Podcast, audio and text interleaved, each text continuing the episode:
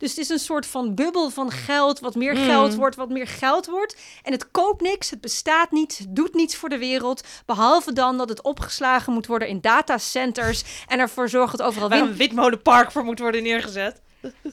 En het is gewoon, Niets. het is niets.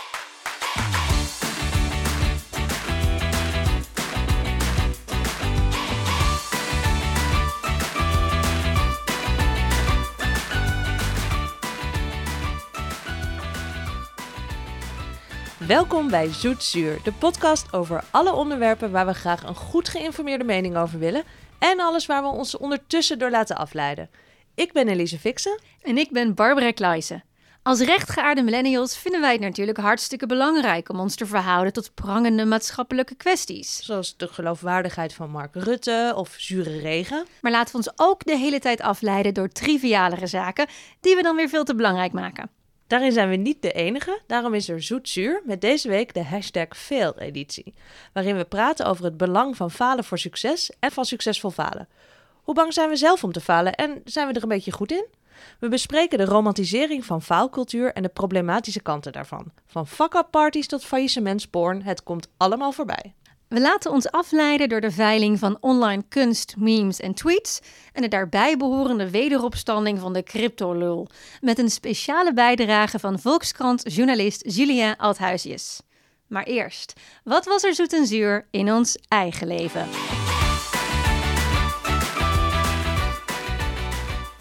Elise, jij bent zoet deze week. Ja, ik heb een hele goede zoet. Ik heb iets af te kruisen van mijn 21 for 21 bucketlist. hey, dat is goed. Ja, ik heb namelijk een blauwe regen geplant. Hey. Goed hè? Ja? Voor wie niet de Flash Forward in Retrograde editie heeft geluisterd. Ik had op mijn wensenlijstje voor 2021 staan om een blauwe regen te planten. We hebben geen voortuin, maar wel zo'n geveltuintje. Die was alleen iets te smal, dus die heb ik iets verbreed. Gewaagd. Ja, ik denk dat het illegaal is. Maar ik dacht, nou ja, ga ik nou echt in de problemen komen omdat ik twee stoeptegels heb gewipt? Nou, lijkt me niet. Dus dat heb ik gedaan. Het was hartstikke zwaar trouwens. Met zeg maar zo'n zo'n dikke betonnen rand die ik dan moest verplaatsen. En er komt dus echt een fuckload aan zand uit heel weinig vierkante meter. En dat wist ik al omdat wij gaan dus ons huis verbouwen, inshallah. En daarbij zei de aannemer al, oh, als je 10 centimeter dieper graaft, het stuk wat je uit gaat graven, dan is dat iets van anderhalve kuub extra zand of zo. Dat je denkt, oh, mijn alfa-brein kan dit helemaal niet behapstukken. Nee, andersom werkt het ook zo. Ik heb wel eens een stukje van de tuin proberen op te hogen. En dan, nou, 25 zakken tuinaarde verder is er niets te zien. Niets. Krankzinnig. Het slaat nergens Waar op. blijft dit allemaal? Ja, klopt. Nee, dus dat heb ik, eh, die heb ik er nu ingeplant. Het was wel weer een klassieke situatie dat ik dus bij de intratuin, shame on me, want dat is geloof ik allemaal enorm bespoten. Het is volgens mij ook geen inheemse soort, dus ah, oké. Maar goed, ik Het is een, gebeurd. ik een plofblauwe regen gekocht. En je hebt dus verschillende soorten sowieso al. ja, hebt en je dus moet ook de goede kant op draaiend hebben, anders bloeit hij niet. Oh, is dat zo? Ja, wist je, oh, wist je dat niet? Je hebt, zeg maar de, je hebt dus de Chinese en de Japanse soort. En de een die groeit eh, linksom en de ander rechtsom. Maar ze zouden op zich al het allebei moeten doen, volgens mij. Nou, ik heb een buurvrouw die had een verkeerd omdraaiende en die bloeide niet. Ja, maar dit lijkt me een post-hoc, ergo propter hoc, toch? Was dat de reden dat hij niet bloeide? Ja, precies. Misschien had ze gewoon geen groene vingers.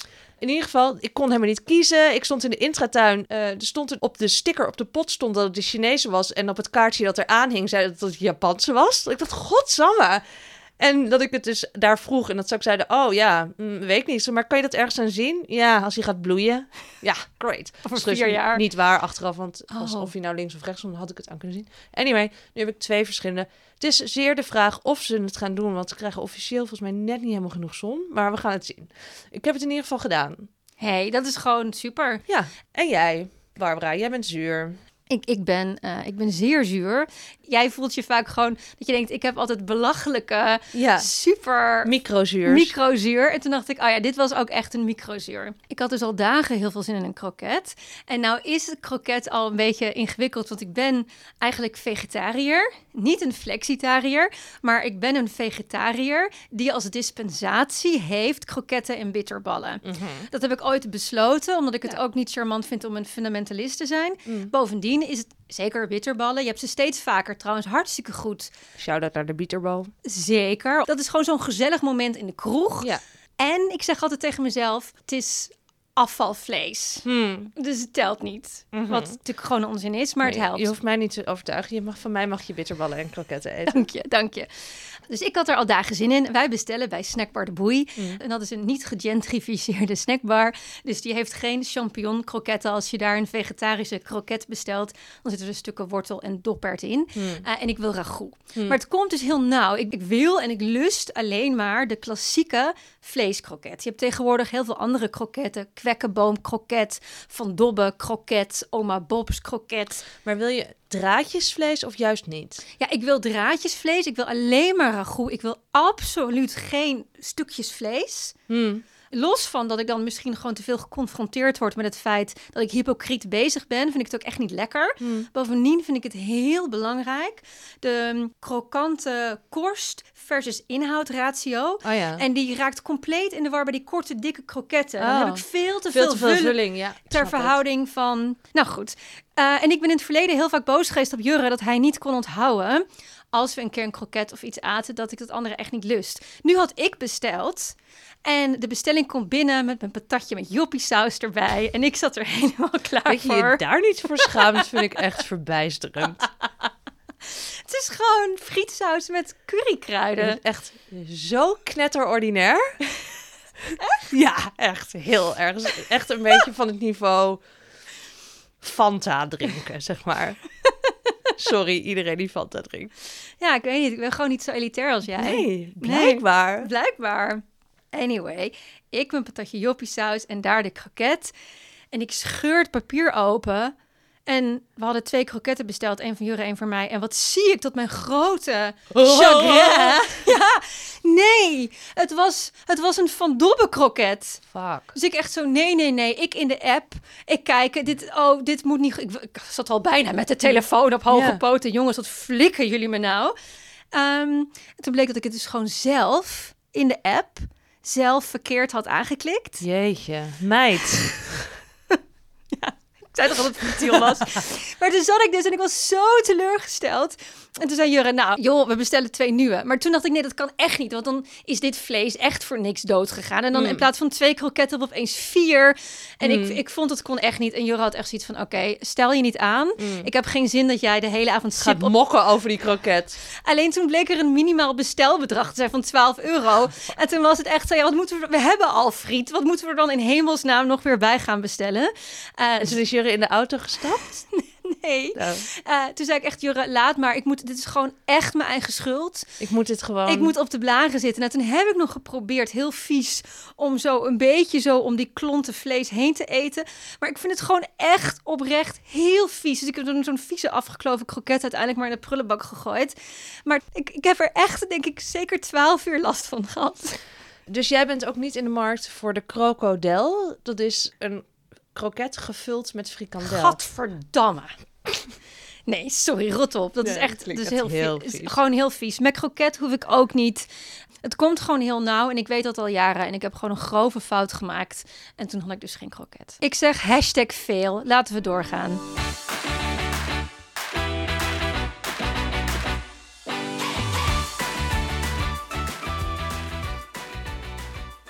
Falen dus. Eh, de aanleiding van deze editie was een artikel in de Britse L, How Failure Became a Cultural Fetish.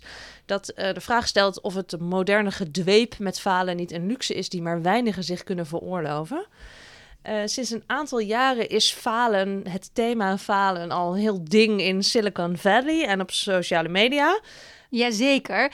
Falen is een soort badge of honor geworden. En daarmee hand in hand gaat ook een soort idee van... oh, we willen een nieuw soort echtheid. Dus je moet juist laten zien waarin je gewoon faalt. En Falen is kwetsbaar, is juist sterk. janken met de camera erop. Ja. Dat werk. Er worden ook al eh, sinds enkele jaren de zogenaamde fuck-up nights georganiseerd, waarin eh, ondernemers vooral eh, op een podium gaan vertellen over waar zij fouten hebben gemaakt. Er is natuurlijk de razend populaire podcast How to Fail with Elizabeth Day, een Britse podcast, en ook Without Fail van Alex Bloomberg. Zelfs, op EV, zelfs op evjinek.nl staat een hele rubriek Het zalig falen.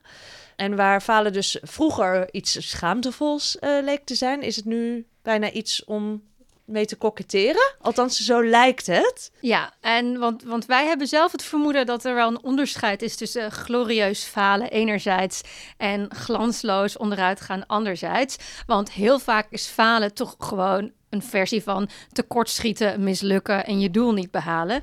Dus we dachten, laten we eens onderzoeken of dat nou te maken heeft uh, met onze eigen faalangst of dat hier meer aan de hand is.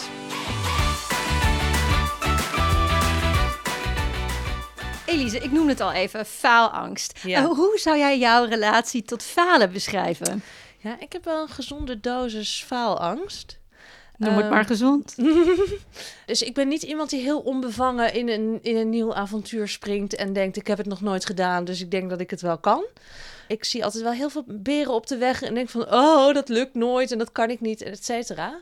En ik weet dat jij dat ook wel hebt, maar we hebben daar wel twee verschillende varianten van, volgens mij.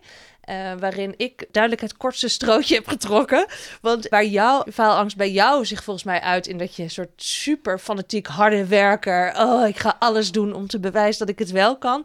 Is het, slaat het bij mij veel meer om in een soort uh, lamlendigheid, lethargie. Oh, ik kan het niet. Uh, ik begin er niet aan. Dus jij bent ook, denk ik, meer in de markt voor een burn-out. En ik ben meer in de markt voor een bore-out. omdat ik het gewoon... uh, ik begin er niet aan. En ik, ja, uh, ja ze, heeft gewoon, ze heeft gewoon nooit haar potentie Ze is niet opgebrand. Ja. Ze is nooit aangestoken. Oh, wat triest. ja, ja, het is natuurlijk wel zo dat het van de buitenkant altijd fijner lijkt. Ik heb heel vaak, doordat ik dan Inderdaad, als ik iets heel eng vind, dan ga ik juist het gas erop. Dat heb ik dus ook als ik bijvoorbeeld ergens een rot zie en waar mensen afspringen en ik durf niet. Dan is mijn neiging om langs de rij te rennen met mijn ogen dicht en er meteen af te springen. Hmm. Dan heb ik het maar gedaan. Mhm. Eh, dus zo doe ik dat ook met dingen die ik inderdaad eng vind. Alleen dan krijg ik vaak in tweede instantie dat ik denk. Oh, wie denk ik wel niet dat ik ben, dat ik dit kan. Oh god, nu ben ik hier aan begonnen. En, hmm. en dan zijn er maar twee opties. Of alsnog, zeg maar, stoppen en, en onder mijn dekbed gaan liggen en denken... oh mijn god, ik schaam me dood. Kan nooit meer iemand onder ogen komen. Nee, dus dan creëer ik daarmee mijn eigen falen. Of het is dan zeg maar super hard werken, zodat het uiteindelijk is gelukt. Dan zegt iedereen, zie je wel. Ehm, maar dan komt alweer het volgende. Dus dan, dan, dan is het ook een net soort red race met mezelf die nergens op slaat. Hmm. Ja. Al denk ik nog steeds wel dat ik dan liever mezelf ben dan jou. Definitely. Wat ik wel heb inmiddels ontwikkeld, is dat als iemand mij ergens voor vraagt, dan zeg ik ja en dan zie ik later wel hoe ik het op ga lossen, zeg maar. Dat werkt op zich wel, maar het is natuurlijk, als je zelf dingen wil gaan initiëren, dat, dat is een ander verhaal. Ja. hey, maar Elise, heb jij dan faalangst of heb je straalangst? Oh God, hou op. Dat is inderdaad echt een term uit de zelfhelphoek, hè? Ja, enorm. Ben je gewoon bang wat er gebeurt als je wel succes krijgt? Ben je bang wat er gebeurt als jij in je kracht gaat staan, Elise? Niet voor jou weggelegd. Nee, maar het is wel een ding. En ehm, eh, toen ik mijn opleiding tot trainer deed, was er ook een blok NLP in. En daar werd ook steeds erin gehamerd: falen bestaat niet. Er is enkel feedback. Ja, dat is volgens mij aantoonbaar niet waar, toch? Nou ja, kijk, je, doet, je hebt een actie en als dat niet het geleverde resultaat oplevert, dan is dat de feedback waarmee je dus weer verder kan. Ja, maar dat vind ik wel een theoretisch standpunt. Ja, in bepaalde situaties is dat misschien zo. Ik vind het wel wat anders als je denkt: oké, ik ben dit bedrijf gestart en ik heb, ben voor een paar ton in de schulden gegaan. En toen, oh, toen is het gefaald. En nou, toen, heb ik, toen was mijn feedback dat ik zeg maar vier ton aan de bank moest terugbetalen. En, en dat ging niet. En toen heeft mijn vader me geholpen. En daardoor moest hij drie jaar later met pensioen dan hij eigenlijk had gewild, punt. Ja. Ja, dat is ook feedback. Ja, dat is ook feedback. Ja, vind ik wel, dat vind ik wel een eufemisme. Toch? Ja, maar dat is natuurlijk wel het idee met al die slogans. Hè? Fail, fail again, fail better. If you never know failure, you will never know success. Maar er zijn een aantal vragen bij te stellen.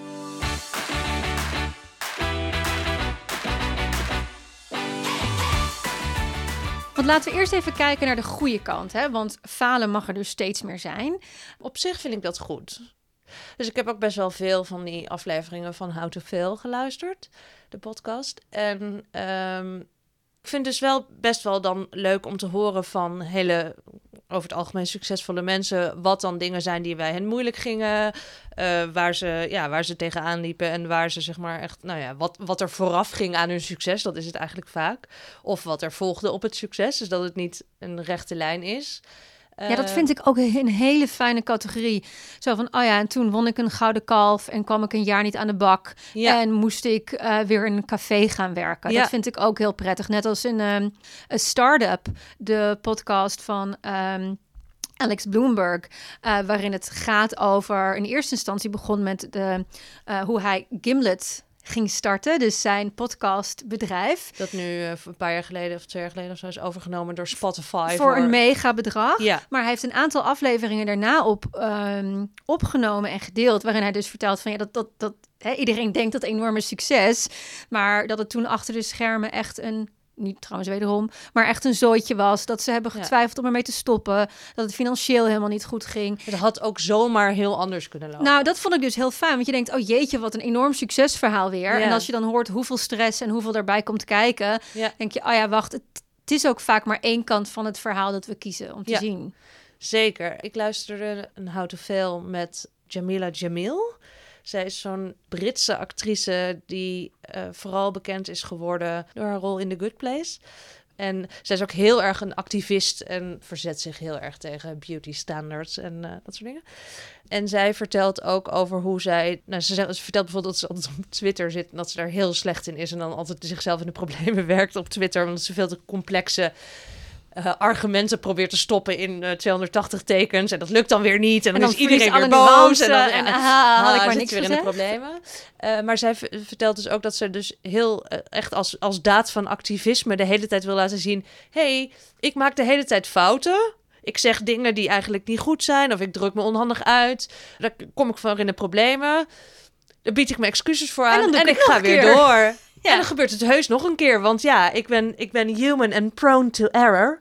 Dus dat gaat vaker gebeuren, want zo zijn wij mensen. En we zijn nu de hele tijd zo geobsedeerd door perfecte plaatjes. En mensen die, nou zeker vrouwen, zijn eigenlijk helemaal niet, eh, wordt helemaal niet toegestaan om fouten te maken. Want je wordt meteen gigantisch afgestraft. Daar verzet ik mij tegen. Ik maak fouten, ik bied me excuses aan en ik ga door. Nou, wat ik heel fijn vind aan wat zij hier zegt, is ik maak fouten, eh, ik bied me excuses aan en ik ga weer een fout maken. Want waar ik me ook aan erger in heel veel van die succesverhalen is hè, het falen bij gratie van daaropvolgend succes. Ja. Zo van, oh ja, kijk, natuurlijk, mijn bedrijf ging failliet. Mijn vrouw ging bij me weg. Ik zat echt op een tweedehands bank in een eenzaam flatje. Maar nu, drie jaar later, zit ik weer bij private banking. Mhm. Ehm, het is dan altijd, of je hebt er enorm wat van geleerd. Van nou, toen heb ik echt geleerd, ik moet het nooit meer zo doen. Ik ging veel te ver weg bij mezelf. Ik moet Ja. echt gewoon mijn authentieke zelf zijn. En nou, toen bam, daar Ja. kwam het succes. Het was niet aan te stelpen. Terwijl ik denk, dat vind ik best een gevaarlijk narratief. Want dan kom je dus ook heel snel weer bij de zeg maar 600.000 ademcoaches... die allemaal heel dicht bij zichzelf blijven. Maar er is toch echt geen brood in te verdienen? Precies, zo van stop allemaal met je baan en begin voor jezelf. Ja. Dus dan is het zo van, oh, een failure is een stap naar succes. Maar heel vaak is er gewoon, er is een failure. En dan even later is er weer een andere failure. En zo Ja. gaat het gewoon de hele tijd heen en weer. Wat ik zelf het fijnst vind als het dan gaat om het delen van failures... is wanneer mensen dat durven te doen... als ze nog niet in dat stuk zitten van... oh, toen heb ik gefaald, maar nu heb ik succes. Ja, er zijn je hoort niet heel vaak inderdaad van... oh, en toen ging ik failliet. En toen ging mijn vrouw bij me weg. En nu woon ik op een krakkemikkig flatje met een tweedehands bank. Ja, het zal dat wel heel erg kan helpen. Ik heb zelf, en nu wordt het ook een met terugwerkende kracht succesverhaal, realiseer ik me als ik het doe. Ik heb een succesverhaal over hoe ik mijn falen deelde toen ik er nog middenin zat. Oké, dit is heel meta. Ah, maar in ieder geval, was een beginnend trainer en ik mocht voor het eerst een hele week een, een, eh, eh, met een groep op stap. En dat ging de eerste drie dagen fantastisch en daarna zat ik er best wel doorheen. Ehm, en de deelnemers leken super enthousiast. En de laatste dag op vrijdag waren ze allemaal verdwenen in de pauze. En toen kwamen ze terug met een bos bloemen. En toen was ik, ik was doodop. En toen tot tranen geroerd vertelde ik dat ik het ook wel een hele pittige week had gevonden. En ik had het voor het eerst gedaan. En ik zelf was, eh, denk ik, rond de 30. En de training was voor allemaal internationale eh prinsjes van een groot bedrijf. Die ook allemaal, zeg maar, rond de 30 waren. En toen opeens kreeg ik in de anonieme evaluaties dingen terug als... Ja, het is niet echt lekker als je als deelnemer het gevoel hebt dat je de trainer moet troosten. Oh. fuck me. Tot zover de kracht van kwetsbaarheid. Yep, that was over. En één iemand had me op een schaal van 1 tot 10 een 2 gegeven. Oh, ik ik echt nog steeds een beetje pijn om het te zeggen? Uh, ja, dat doet nog steeds pijn. Uh, en ik schaamde me toen zo, want ik werd toen best wel roekzichtluis. Ik zou dat een paar keer per jaar gaan doen. was een heel prestigieus project. Verdiende ook heel goed. Ik, werd, ik kreeg geen ruggestoon. Ik werd er rugzichtloos van afgehaald. Ah. Um, en het was daarvoor had ik eigenlijk altijd alleen maar positieve feedback gekregen. En eigenlijk alleen maar een soort van alles ging goed en elke stap die ik deed. En nou ja, wat eigenlijk altijd als ik bluff, ga ik heel hard werken, wat ik net zei. En dan kwam het goed. En nu deed ik ook iets voor het eerst en had ik heel hard gewerkt en kwam het niet goed. Ja. Toen ben ik, ik was echt heel erg van slag toen. Maar toen ben ik het toch met allerlei collega's gaan delen. Omdat ik echt even niet wist hoe verder en het vertrouwen kwijt was om weer voor een groep te staan. En toen kreeg ik dus, toen bleek dat bijna alle collega's zo'n verhaal hadden. Ah. Maar wat ik vooral heel fijn vond, was dat ik vertelde daarover. En los van de verhalen die ik terugkreeg, dat ik zag mezelf opeens als gefaalde professional. Mhm. Maar dat mijn collega's mij helemaal niet zo Hmm. zagen. Die blijkbaar nog een bredere context konden zien. En gewoon Ja. met hun verhaal kwamen en het veel, minder, veel meer als een incident zagen. Ik zag Ja. het als dit is het einde. Ja, dat is misschien ook wel een beetje dat imposter syndrome dat heel veel mensen hebben. Dus dat je dan denkt, dit is dus het moment dat ik ontmaskerd ben voor, voor ja, de loser die ik eigenlijk ben. Ik kan dus blijkbaar niks. Dus of, of je daar nu al zelf van overtuigd was, zo van ik, ik kan niks en nu weet iedereen het. Of dat het is, oh, ik blijk niks te kunnen. Maar je kan in ieder geval bij dat soort falen is, het is heel moeilijk inderdaad om voor jezelf dat te zien als gewoon iets wat is misgegaan en niet als een totaal falen van jou als persoon. Ja, en ik heb echt heel veel tijd daarna. Want ik moest nog, eh, na de evaluatie van die week, moest ik al de jongens nog coachen. Hmm. En ik wist dus niet wie de twee... Er waren uiteindelijk ook mensen die hadden een goed cijfer gegeven. Maar er waren er Ja, gewoon die drie... ben je alweer vergeten. Die ben je alweer vergeten. Dus ik wist dat drie van de tien me echt hadden genaaid. En dat ik toen moest ik dus nog die allemaal in een coaching zitten. En bij iedereen dacht ik, was jij het? Was jij het? En tot een collega ook nog verteld, ja, Barbara is van de groep gehaald. Dus dat wisten zij ook al. Het was echt vreselijk. Gênant. Ah, zo gênant. En ik, ik merk ook dat ik achteraf op heel veel manieren heb geprobeerd om daar een goed verhaal van te maken. Nou, ik heb toen heel erg dit geleerd, of ik heb toen die keuze gemaakt in mijn carrière en bla bla bla bla bla. Maar eigenlijk, ik merk nu ik er weer over praat, is dat allemaal onzin. Want al die verhalen, die plak ik eraan vast om het behapbaarder te maken. Ja. Ik heb nog steeds gewoon nu echt een misselijk gevoel als ik het erover heb. En het hoeft inderdaad ook niet per se iets groots te kunnen betekenen. En het had ook best wel, zeg maar, voor hetzelfde geld waren, had je allemaal goede cijfers gekregen. En dan had, je, dan had het ook al die lessen niet gehad. Dus dat ik hoeft heb ook ook wel eens een slechte training gegeven waar mensen verbazend enthousiast over ja, waren. dan denk je, yo, ben ik even goed weggekomen. Ja, zo Ja, is het ook. Dus dat had ook zomaar gekund. Dus het is veel meer misschien toeval dan we graag zouden willen geloven.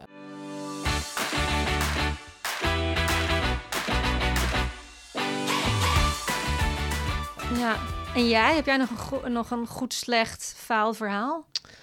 Ah, Ik heb veel meer gewoon allemaal soort falen van... Oh, gestopt met mijn studie. En, maar dat is ook wel zo'n voorbeeld waarvan ik dan... da- in plaats van dat je dat dan kunt zien als van... Oh, nou, dat, dat, dat, dat lukte in die context toen niet. Of daar nou ja, allemaal externe factoren voor te verzinnen. Die er ook heus waren. Is dat natuurlijk ook gewoon... Voelt dat ook alleen maar als een soort van totaal falen. En zo van... Oh, zie je wel. Ik ben ook niet slim genoeg. En ik kan het niet. En zo van... Oh, dat is een soort persoonlijke nederlaag. In plaats van dat je gewoon denkt van, oh, hm, nou, misschien was dat toen gewoon niet geschikt. Of, Of misschien was bedrijfskunde niet de beste match qua studie Ja. achteraf. ja, Ja. Dus, maar dat, dat wordt dan inderdaad iets heel groots, wat helemaal symbool staat voor het, gewoon het falen van jou als mens. Ja. En ik bedoel, ook al kan ik rationeel wel bedenken dat dat niet zo is, zo voelt dat nog steeds niet, zeg maar. Ja, maar dat is natuurlijk gewoon het, het vervelende van falen. Dat er zo'n schaamte, tenminste dat merk ik. Ik heb nog steeds dingen waar ik, inderdaad nu, ik merk het ook weer met dit voorbeeld, maar er zijn ook wel andere, dat ik gewoon nog steeds zo'n schaamte voel. Of, of ook, kan het wel eens hebben met een gesprek, of dat ik iets heel doms heb gezegd. Ja. En dat ik opeens, inderdaad maanden later, opeens nog zo'n, oh, Ja. zo, zo, zo, komt het even terug, Ja. met zo'nzelfde steek. Ik heb het ook wel eens inderdaad met een opdracht gehad of zo, dat ik dan daar een hele slechte eh, feedback op kreeg. En dat je dan inderdaad echt zo van, oh, ik kan gewoon nooit meer iemand onder ogen komen.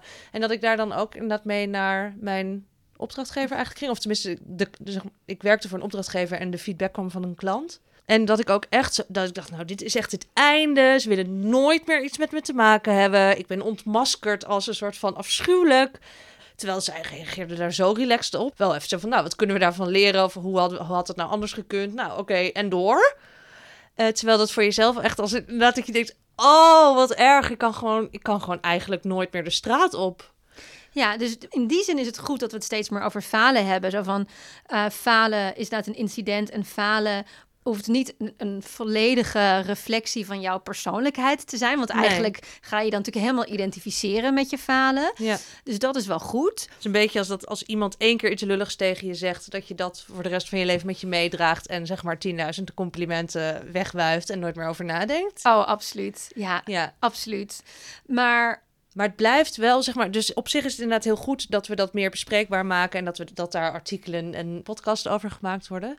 Maar dat blijft toch wel vaak ook een beetje social media falen, een beetje gecureerd falen. Ja, Eh, ik weet nog dat ik eh, voor Club Heft dacht, oh, ik moet ook wat meer over mezelf vertellen.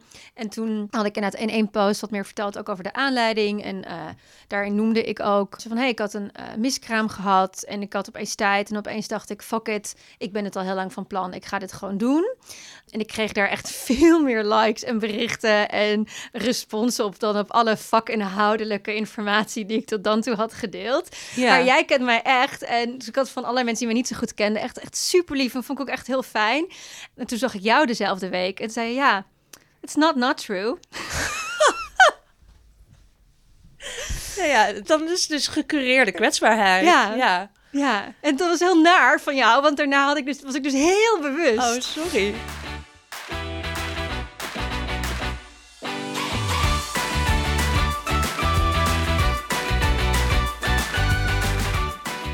Het is gewoon best wel een fine line. Wanneer is falen en praten over falen echt en eerlijk? En wanneer is het inderdaad of gecureerd... of is het eigenlijk inderdaad eh, gewoon een opmaat voor je succes? Dat brengt me wel eh, even een lekker... Ik ben dol op geforceerde bruggetjes.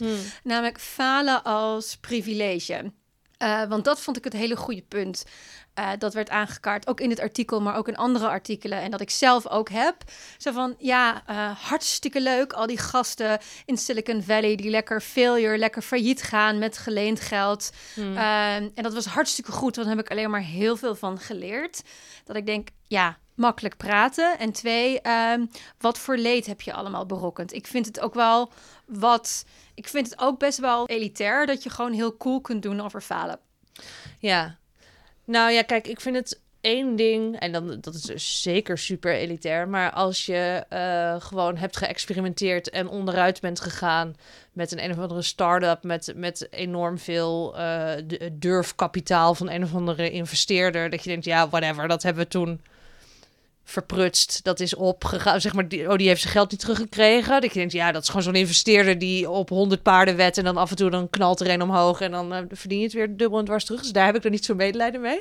Vind het dan weer lulliger als het is, oh, een roekeloze MKB'er die ging failliet en eh, al, zijn lever- kon al zijn leveranciers niet meer betalen en ehm, eh, heeft zo'n spoor van destructie achtergelaten. Ja, en een, een goede vriend van ons. Eh, en ook eh, was ook onze aannemer. Die had inderdaad, was begin twintig. Hij had een succesvol aannemersbedrijf. En een van zijn klanten ging failliet, betaalde hem niet. En hij dacht, ja, ik ga mijn jongens wel betalen. Heeft er toen een lening van 50.000 voor afgesloten. Met een woekerrente van 12 of 15 procent. En die, het heeft hem 15 jaar gekost. En uiteindelijk alleen enkel met behulp van de schuldsanering om eruit te komen. En toen bleek dat hij uiteindelijk gewoon meer dan drie keer zijn hele lening al had terugbetaald aan rente. Ja, dat is- en dat denk ik inderdaad, dat is ook gewoon de kant van dat is een falen. roemloos falen. Zo van, oh, nog met 23 had ik dus heel veel potentie en ging het heel goed. En nu ben ik 40 en ben ik er net uit. Maar ik heb dus wel gewoon 17 jaar lang niets opgebouwd. Ja. Dat, dat is inderdaad wel die kant ervan. En ik vind ook dat. Weet niet of het nou in dat artikel van de L is of in een ander artikel. Dat er ook iemand wordt aangehaald die zegt: Ja, het hartstikke leuk. Maar ik heb gewoon niet de luxe om te falen. Ja. ja, is inderdaad in dat stuk van de. Dat is dan een, een dame die, ik geloof, een nagelsalon of zo, of een keten daarin heeft. En die ook zegt: Ja, ik heb gewoon alles hierop ingezet. Ik heb een zoontje van vier waar ik verantwoordelijk voor ben. Ik kan het me niet permitteren om te falen. Dit moet gewoon lukken. En niet zo van: Oh, lekker gewoon een beetje, nou, wat dingen proberen en dan mislukt het. Nou ja, weet je wat, dan eh, lach je erom en dan begin je opnieuw. Nee. Dan zit ik tot mijn nek in de schulden. Ik heb geen vangnet. Dat gaat niet. Nee, en dat, dat is natuurlijk op kleinere schaal ook waar. Ehm, kijk, ik, ik denk dat het iemand zei ooit van ja, maar wat er ook gebeurt, jij hebt wel een zachte landing. Ehm, hè, als het moet, zou ik geld van mijn vader kunnen lenen. Niet iedereen kan dat. Mhm. Ehm, als iets mislukt of als iets niet goed gaat, ik kan wel ergens om hulp vragen. Dan, kun je ook, dan is het veel makkelijker ook om risico te nemen. En ik vind dus ook dat als je moet realiseren dat het kunnen falen en vooral het groots en financieel kunnen falen, dat dat wel degelijk een privilege is. En dat daar zeker eh, een witte jongeman van Stanford beter mee wegkomt dan een heleboel andere mensen in deze maatschappij. Eh, dat je ook moet oppassen dat falen geen humble brag wordt. Dus ik denk dat de conclusie is: eh, ja, graag. Meer falen, meer echtheid, meer in het proces. En laten we alsjeblieft inderdaad niet alleen maar onze eh, binnenkant vergelijken met andermans buitenkant. Allemaal goed. Maar laten we ook wel eventjes bij gewoon wat, wat mental checks doen als je het hebt over je eigen falen. Of over het falen van vanuit welke positie doe je dat.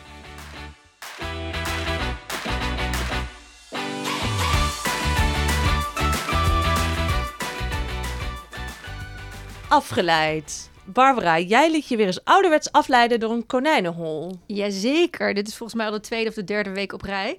Maar goed, ik zat voor het eerst in tijden weer eens in de auto. En daar luisterde ik naar BNR Nieuwsradio, as you do. Mhm. En daar ging het eh, opeens over NFT's, want die zijn gewoon helemaal een ding. NFT's? NFT's, ja, dat zijn non-fungible tokens. En ja, ik ga daar niet heel diep op in, want daar moet ik me niet te veel aan branden. Maar het komt erop neer, als je zo'n NFT koopt van bijvoorbeeld een JPEG of iemands eerste tweet of een meme, wat nu dus de rage is, Mhm. onder Bitcoin-miljonairs blijkbaar vooral. Dan betekent dat dus niet dat je dus het copyright koopt. Je koopt ook niet bijvoorbeeld de enigste digitale kopie, of zoals je bij een schilderij het schilderij koopt. Nee, iedereen kan het gewoon nog overal zien.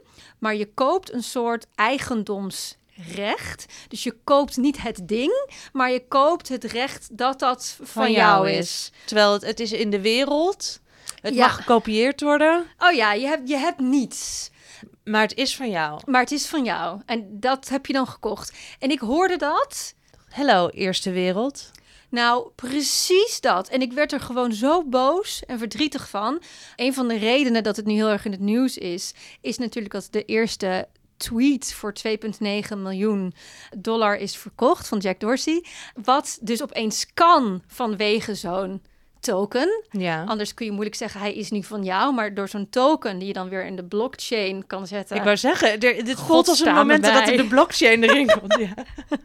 Eh, kan dat? En, en allerlei mensen die erop inspringen, bijvoorbeeld kunstenaar Mike Winkelman. Eh, hij heeft bijvoorbeeld een collage van eh, alle plaatjes die hij als kunstenaar Beeple on- online heeft gezet sinds 2007. Ehm, die collage is voor meer dan 60 miljoen dollar, volgens mij zelfs bijna 70 miljoen dollar verkocht. Maar dus niet de collage zelf. Die kun je gewoon googlen en uitprinten en alles mee doen. En die staat gewoon online. Er is niet een origineel bestand. Nee, nee, totaal niet. Je bent dus eigenaar van het concept in zekere zin. Dat is nu van jou. Maar het is dus ook niet alsof je er dus een auteursrecht of zo hebt... dat als het gekopieerd wordt, dat mensen jou moeten betalen. Het is gewoon... Ja, jij, het staat op jouw naam. En het is vogelvrij. Ja, dus, dus zeg maar voor mij, en ik snap dat dit ook allemaal kansen biedt voor digitale kunstenaars, noem maar op. Maar dit voelt voor mij ook heel erg als gebakken lucht. Ik ga je even een geluidje naam laten horen, namelijk van de meme van de Nyan or Nyan Cat. Oké. Dat klinkt zo belachelijk als dit.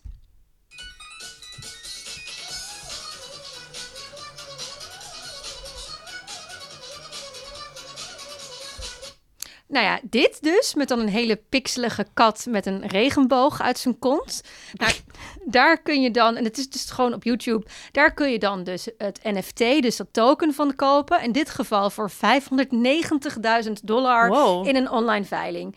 Wie kopen dit? Ja, dat is dus. Dat, dat is dus. Wat, waar, zoals het in BNR werd gezegd. Van ja, maar dat wordt inderdaad vooral weer gekocht door van die jonge Bitcoin-miljardairs. die opeens gewoon al heel veel geld, geld hadden dat keer afgelopen jaar keer 400% ging. En die van gekkigheid ook gewoon niet meer weten wat ze met hun geld moeten doen. En toen dacht ik echt, hoe kan het in een wereld, een wereld die in brand staat? Ja. Hoe kan het?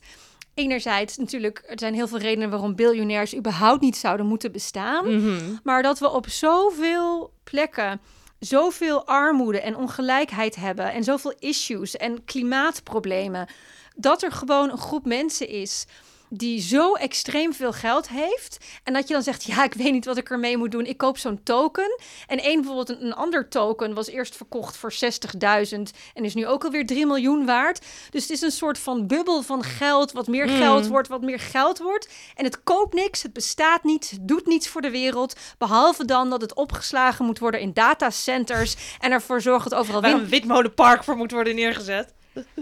En het is gewoon... Niets. Het is niets. En dat maakt me dus zo boos. Dat ik denk, Want is dat iets wat je überhaupt vindt van crypto? Hoe sta je tegenover crypto? Nou ja, en dat, dat, dat, dat, dat, dat, dat. Toevallig diezelfde week had ik echt een hele leuke collega. eh, die kan met mij samenwerken. Dus als je dit hoort, collega. Sorry. Maar die kwam ook even eh, nonchalant inderdaad vertellen van... Oh, oh ja, hij had inderdaad een nieuwe auto. Ja, dat had hij voor, het helft, voor de helft kunnen kopen met de opbrengsten uit crypto. En hij was nu avond en avond aan het inlezen. En hij was er heel erg mee bezig. En ik voelde een soort ver- vervelend gevoel in mijn buik komen. Van aan de ene kant dat je natuurlijk ook denkt... Kut, Het is ook de gift. Ja. enorm de kift. Vooral omdat ik jaren eerder op vakantie wel eens naar zo'n gast heb moeten luisteren de hele avond. Die ook vol in de crypto zat. Zo'n crypto lul. Precies, precies. En toen dacht ik, oh ja, hierin komt eigenlijk alles samen. En toen dacht ik, wie is? Nou, wie is nou zo goed in zuur zijn dat het weer zoet wordt? Ehm, toen moest ik denken aan Julien Althuisjes. Hij schrijft eh, hele fijne gevatte columns en tv-recensies in de Volkskrant. En ook zijn Instagram is wat dat betreft echt smullen. Dus ik zei, joh, zou jij ons misschien een fijne soundbite kunnen leveren over de crypto-lul? En dit is waarmee hij kwam. De cryptolul. Een zeer kort verhaal. Dit is Jorg, zegt een vriendin, en daarna verontschuldigt ze zich om naar het toilet te gaan. Je staat in de woonkamer van een huis dat je niet kent met een flesje bier in je hand. Natuurlijk, ze heette altijd Jorg. Je had hem net al buiten gezien toen hij aankwam fietsen op zijn vet voor. Jorg vraagt wat jij doet, maar alleen zodat jij de vraag terug moet stellen. Nou, hij is Production Workflow Specialist, maar dat is niet zo interessant. De, laatste paar maanden heeft hij zich volledig toegelegd op crypto traden. Je neemt een grote slok bier en fijnst interesse. Ja, hij had nog ergens eh, 10k liggen. Dat heeft hij geïnvesteerd in crypto's. Je weet wat crypto's zijn, toch? Ja, zeg je, bitcoin. Ja, dat is de bekendste. Als je over Jor's schouder kijkt, zie je je vriendin die van de andere kant van de kamer toelacht en een middelvinger opsteekt. Jorg vertelt over blockchain en over zijn afwegingen wel of niet een tradingbot te gebruiken. Maar hij vindt zelf daytrading en hodling het leukst. Als hij nu zou willen opnemen, zou hij een return van 35k hebben. Je denkt, hé, hey, dat klinkt interessant. Misschien moet Jorg me daar wat meer over vertellen. Daarna denk je, nee, ik wil toch liever dood.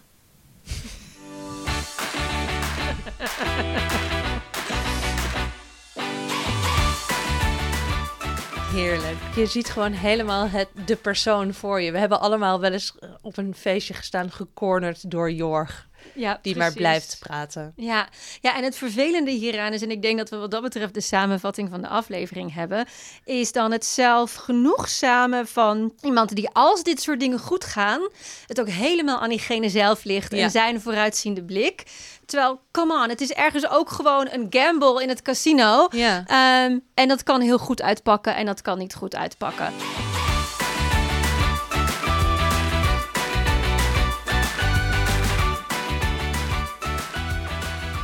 Ik heb een tip. Het is een podcast. Het is De Rode Draad. Eh, het is een podcast van de VPRO. Ik ben een beetje een soort van eh, vijf maanden na de hype, geloof ik. Hij is al een tijdje uit. Eh, maar het is een podcast over China. Hij is gemaakt door journalist Saar Slegers, die eerder de fantastische podcast De Man en de Maan maakte. Als je die nog niet hebt geluisterd, ik weet niet of ik die al een keer heb getipt. Sowieso gaan luisteren ook. Uh, maar in deze podcast De Rode Draad doet ze samen met China-correspondent Cindy Huigen en geopolitiek expert Ties Dams van instituut Klingendaal praten ze over China, over de toekomst van China, over uh, Xi Jinping. Wat zijn zijn plannen? Het zijn zes afleveringen. Het is echt super goed gemaakt. Je hoort allemaal fragmentjes die ze dan opneemt, zeg maar ter plekke. Dus het heeft een beetje reportageachtige stukjes en dus een gesprek over China. Ik heb er super veel van geleerd. het klinkt ook extreem leerzaam. Ja, het, maar het is ook gewoon echt heel leuk om te luisteren. China is namelijk echt zo'n onderwerp waarvan ik al denk: oh ja, China. Zou hier meer van moeten weten, want steeds meer invloed, steeds meer macht. Ja. Ze bouwen heel veel treinen en wegen in Afrika. Ja, en het is een ding, maar ik weet er eigenlijk niks aan niks van. 5G. Ehm, dit is dus echt een goede introductie in uh, China. Ik heb er veel van opgestoken. De rode draad. Yes. Ik heb het meest fabulous recycle systeem ever. Elise heb ik hier al veel te vaak over verteld. Elke keer als ik nu het glas plastic uit papier wegbreng, dan word ik onderweg gecomplimenteerd. Mm. Uh, ik weet ook al twee andere mensen die hebben nu door mij dit systeem. Wat maakt het nou zo fijn? Het is van Roto, R-O-T-H-O. En het fijne is, nou, ten eerste is het ook weer gemaakt van gerecycled materiaal. Het zijn bakken in twee soorten formaten. Ik heb 25 liter, maar je hebt ze ook in 40 liter. Kijk, zeker als je stedelijk woont of klein woont vanwege de huizenmarkt en je wil allemaal afval scheiden. Maar waar moet je dat dan allemaal laten? En voor je het hmm. weet heb je gewoon weer een, een, hele kamer vol met prullenbakken staan. Ja, precies. En ik heb geen kliko's, ik heb geen container. Ehm, en ik merkte gewoon... Een bak met nat karton op het balkon. Ja, vreselijk. En ik merkte doordat we daar gewoon geen goed systeem voor hadden... dat we soms ook gewoon gemakzuchtig werden. Zo van, fine, hmm. ik flats het wel gewoon even in de prullenbak, want... Ja. Ah, toen dacht ik, dit moet anders. Dus het was een van mijn voornemens. Ja. Uh, was dus een goed recyclesysteem. De composthoop is nog uh, in wording. Maar wat zo fijn is, het is heel smal. De bakken kunnen op elkaar geplaatst worden. Ze zien er ook gewoon nog voor een recyclesysteem heel appetijtelijk uit. Mm. Uh, er zit een handig klepsysteem in, dus je hoeft ook geen deksels eraf te doen. En als je het dus weg wil brengen, dan zijn er twee hengsels aan die je om kunt klappen, waardoor je eigenlijk gewoon twee boodschappentassen hebt. Mm. ik heb de, het kleinere formaat gekozen, dat is mooi smal het zorgt er ook voor dat ik uh, regelmatig alles moet wegbrengen, waardoor het ook niet te veel wordt. Hmm. En dus niet te zwaar. En dus niet te zwaar, want ik had vaak op een gegeven moment, we moeten best wel een eind lopen naar de vuilcontainers, zo'n 200 meter. Maar als je dan net van die te zware hmm. en ik van die te zware zakken hebt, super onhandig. En elke keer als ik het nu wegbreng, ben ik heel blij met dit setje. En omdat ik het daardoor heel vaak wegbreng, ben ik ook veel bewuster van hoe snel je toch heel veel plastic verzamelt. Ja. En dat helpt me ook weer om bewustere keuzes te maken. Dus is het heel duur? Nee, dat is dus ook het mooie. Je hebt één zo'n bak voor 17,50, maar ik heb ergens en ik zie het bij de blokker nu staan voor 1999. Soms heb je van die aanbiedingen. Zo van, volgens mij had ik drie voor 45 of oh, zo. Ja, nou, dat kan nog een keer. Ehm, ja, het kan echt uh, nog een keer. En er komen ook handige stickers bij, dus je kunt zelf bepalen hoe je het indeelt. Dus ja, het, is, het enige jammer is dat het niet van Lifehide is. Daarmee zijn we rond. Dus nogmaals dank aan Julia Oudhuisjes. Voorbeelden van glorieus of schaamtevol falen staan we ook enorm voor open. Ja. Kunnen we al dan niet anoniem delen. Dus net als nog meer voorbeelden van vreselijke uh, mode uit de early zeros. Uh, ik hoorde bijvoorbeeld van een vriend die zei... Oh god, ik heb dus van die, van die, van die vlechtjes met dreads gehad... zoals Davy in Idols. Met zeg maar roze en dat soort dingen erin. Ja, ja. Met dan een capri broek en van die... Die heb jij ook veel gehad, van die gekleurde plastic oren Zeker. Ai, ai, ai. Bijou Brigitte. Tot de volgende keer. Bedankt voor het luisteren. Alle artikelen, podcasts en andere media die we bespraken vind je terug in de show notes en op zoetzuurcast.nl. Abonneer je op Zoetzuur in Spotify, Apple Podcasts of waar jij dan ook het liefste luistert. Doe ons een groot plezier en schrijf dan meteen even een beoordeling in jouw podcast-app. Dat helpt anderen om ons ook te vinden. En we zijn gewoon ook dol op complimentjes. En op voicemails. Laat er één achter via onze website. E-mailen kan ook. hallo En volg ons dan meteen ook even op Instagram. Zoetsuurcast. Onze muziek is Young at Heart van Blake Wolf. Tot de volgende keer. Dag!